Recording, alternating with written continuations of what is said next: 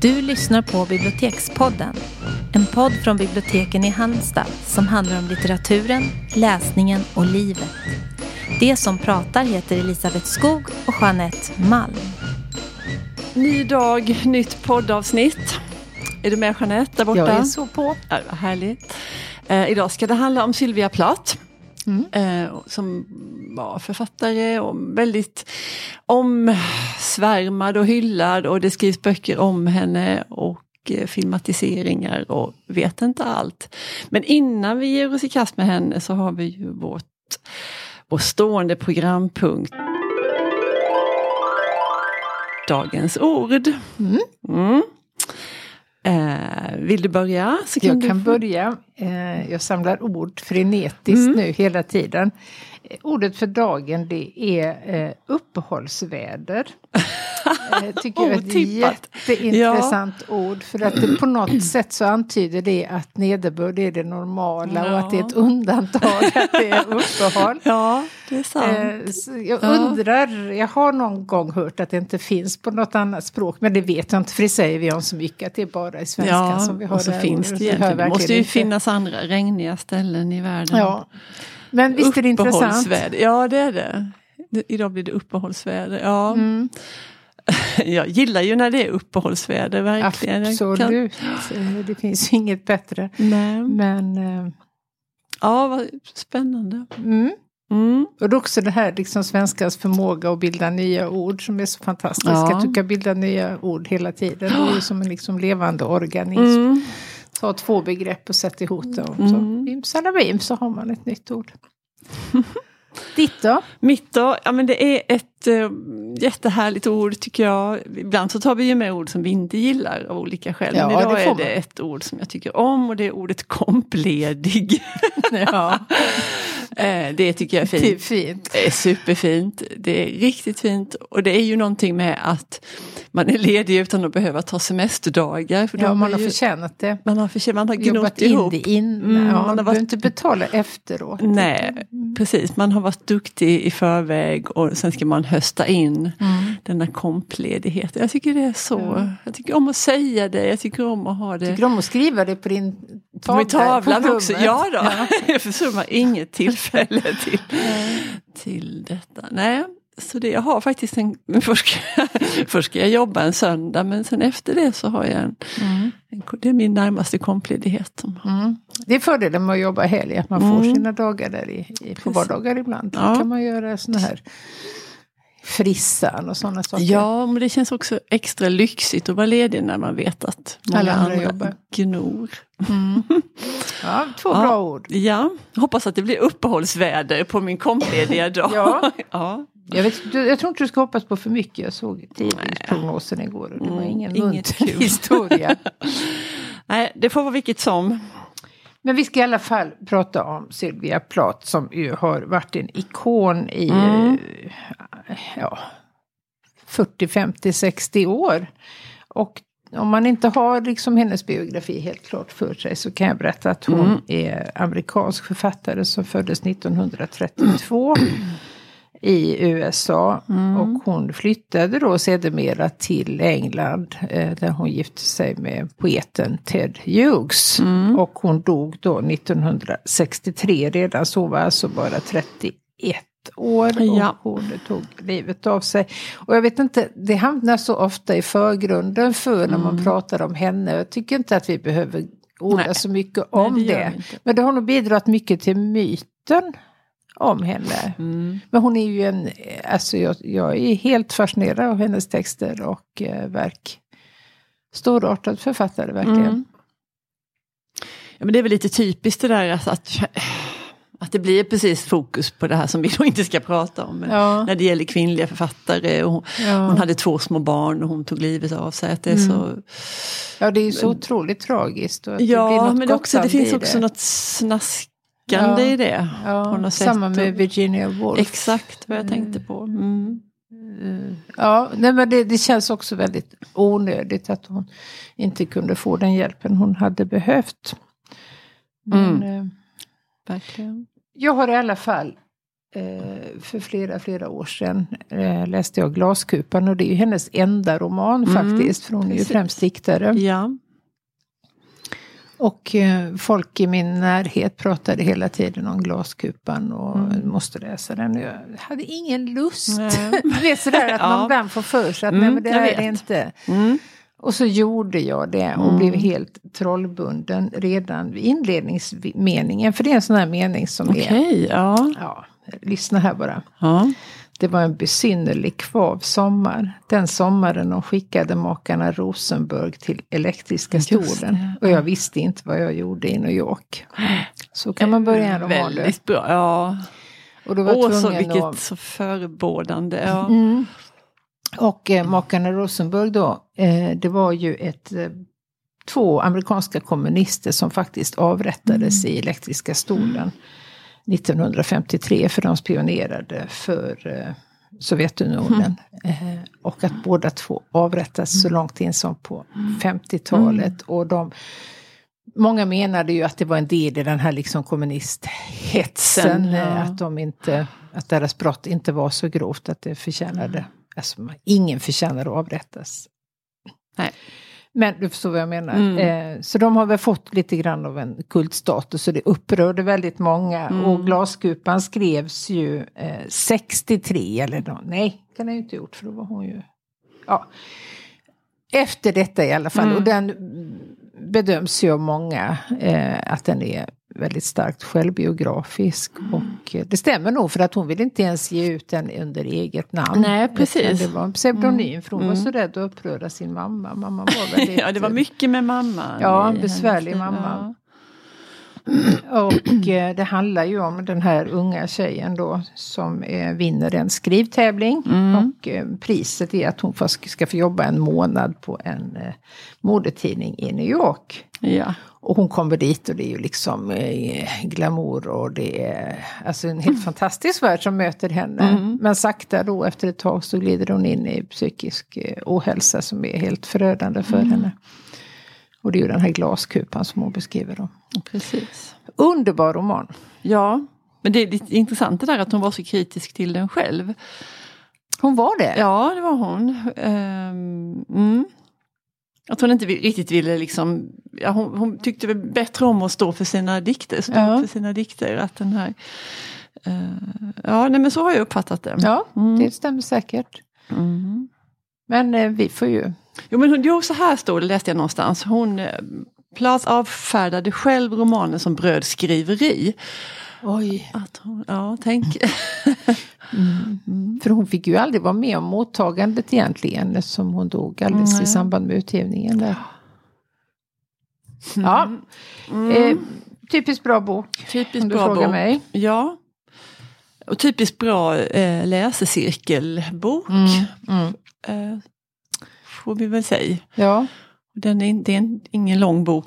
Ingen, ja, vad kan det vara? 205 nej, en 200 liten lätt. sidor. sak. Ja.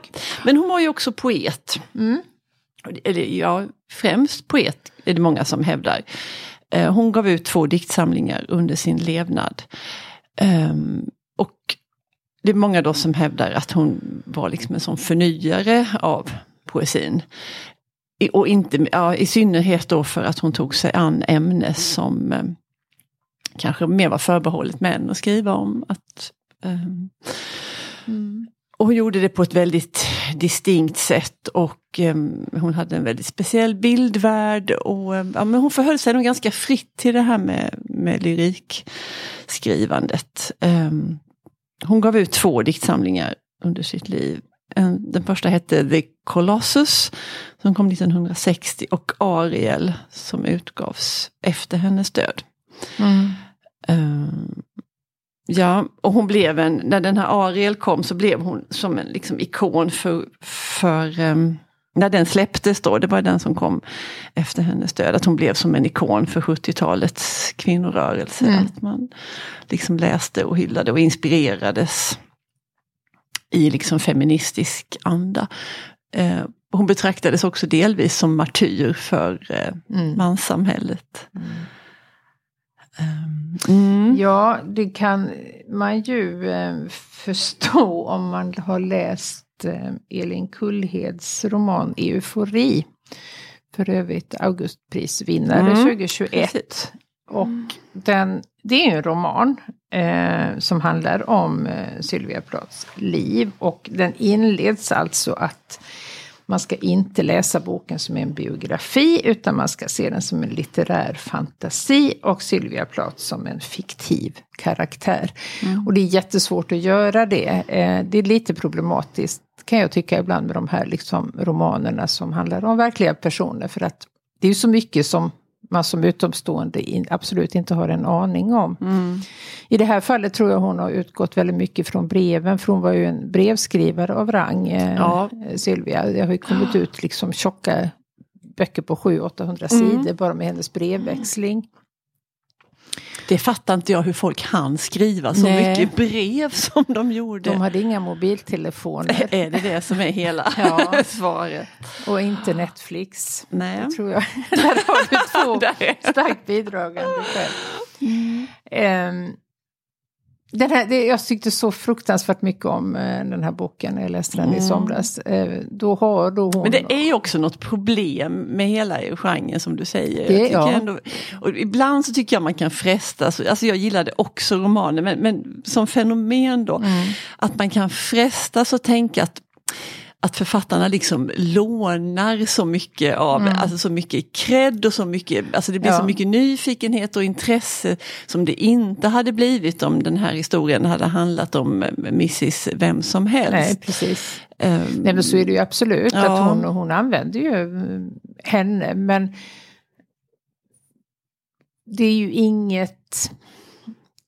Ja, det är hennes tolkning av det och jag la, den, de, la de där dubierna åt sidan Mm. helt enkelt. För skulle jag ha med mig dem hela tiden så blir det så tråkigt att läsa. Ja, Så jag tänkte ja. att nej, men nu, nej. nu läser jag det här Ja. som en roman. Och det, Mm.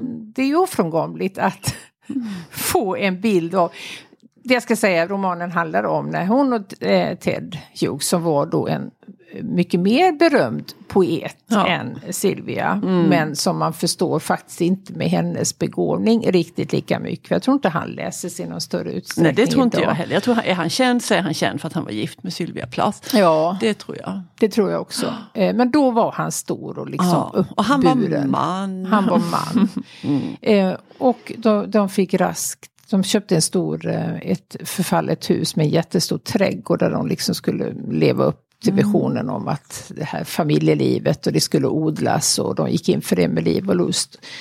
Eh, och det visade sig att hon fick ju ingen tid alls att skriva medan Nej. Ted då efter middagen klampade upp och fick inte störas. Detta upprepades hela tiden. Han åkte iväg till London i flera Ja. dagar. Och Han fortsatte liksom att leva sitt eh, författarliv och hon var helt fast med Två små Ja, jag tror det var ett år mellan barnen. Liksom, och hon var helt ensam i eh, England. Hon kände ingen där. Nej. Den här frustrationen, alltså man kan verkligen känna hur jobbigt det var för henne. Verkligen, och det här, och det här tveeggade då, att, och så fantastiskt med barnen och Ja. kärleken till dem men också vilket, Verkligen. vilket fängelse och så låst hon var i detta. Så Ja. ville hon så väl och så mycket och, Mm. och samtidigt så kringskuren och dessutom så mer än antyds det ju att han har också intresse för andra Oh, ja. flickor, grannflickor och barnflickor Ja, och alla möjliga. charmör, liksom. Ja.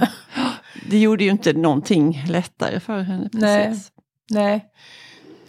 Sen tycker jag en liten rolig parentes som jag tycker vi ska nämna det är ju att i romanen så dyker Siv Arb Ja, upp, upp också namngiven. Och hon Jajamän. var ju den, den stora liksom introduktören, eller var ju hon som introducerade Sylvia Plath i Sverige och Ja. översatt och fortfarande är det hennes översättningar som, Okej. som eh, gäller. Fast jag har för mig att i boken var hon där för att prata med Ted, inte med Sylvia. Ja, det kanske hon var. Men i, i, i Men verkligheten så... Ja. så eh, och hon, det var för övrigt även Siv Arp som introducerade Doris Lessing i Sverige. Nej, men vilken, vilken, gärning! Vilken gärning. Och sen var hon ju också poet i egen rätt. Men, Mm. eh, jo, men jag skulle, eh, när vi pratade om hennes dikter så vill jag inflika att det kom, nu i år så kommer det en ny samlingsvolym med Sylvia Plaths dikter. Jaha, som är under utgivning. Så väldigt eh, snygg och Ja. mm, ja, för det har ju nog inte funnits riktigt. Eller ja, Ingen samling, nej. Nej, de är gamla de som finns. Sen har det kommit, den här Ariel har ju kommit i Ellerströms utgivning eh, för Mm. några år sedan. Men, men en, en samlingsvolym. Översatta dikter av just Siv Arb. Ja, fint. Ja, nu kan vi åter- Nej, men eufori handlar om den, Mm. den här tiden i eh, England, Dorset tror jag det är. Alltså det är väldigt naturskönt och det är mycket påskliljor och mycket Jajamän. liksom hon rider över kullarna. Och eh, framträder också en bild av en väldigt besvärlig människa. Alltså hon var Ja. ju inte lätt. Det var Nej. ju otroligt eh, liksom, snabba kast och det var förtvivlan och det var just eufori som Mm. titeln lyder. Och, också hon kände liksom också att den här mentalsjukdomen eller psykiska ohälsan kom tillbaka. Hon var så fruktansvärt rädd för att, att hamna i, på sjukhus igen. Så att eh, det är många som menar att det var ju därför hon faktiskt tog livet av sig. För att hon stod inte ut med den tanken. Att, eh, ja, det vet vi inte och det vet inte Elin Kullhed heller. Men Nej. Det, den slutar med att eh, Ted har lämnat henne för en annan utan att säga. Han bara stack. Han bara stack. Eh, och sen fick hon flytta med barnen till London till en liten sjabbig lägenhet. Mm. Mm. Fler dikter hade Fler vi. dikter. Men jag tänkte jag skulle läsa en dikt Ja. här nu i... Um... Alltså jag blev väldigt sådär, för det finns en väldigt känd dikt som heter Daddy. Som heter Just det. då. Men eh, sen innan jag hade kommit fram till, till pappa här i det är ju den här Ariel-samlingen då, så hittade jag en annan som jag blev så himla förtjust i. Som heter Tulpaner och det passar ju Mm. Alltså när man bara hör det, tulpaner, så passar det väldigt bra nu i denna tid. I tulpantid, det var tulpanens dag häromdagen.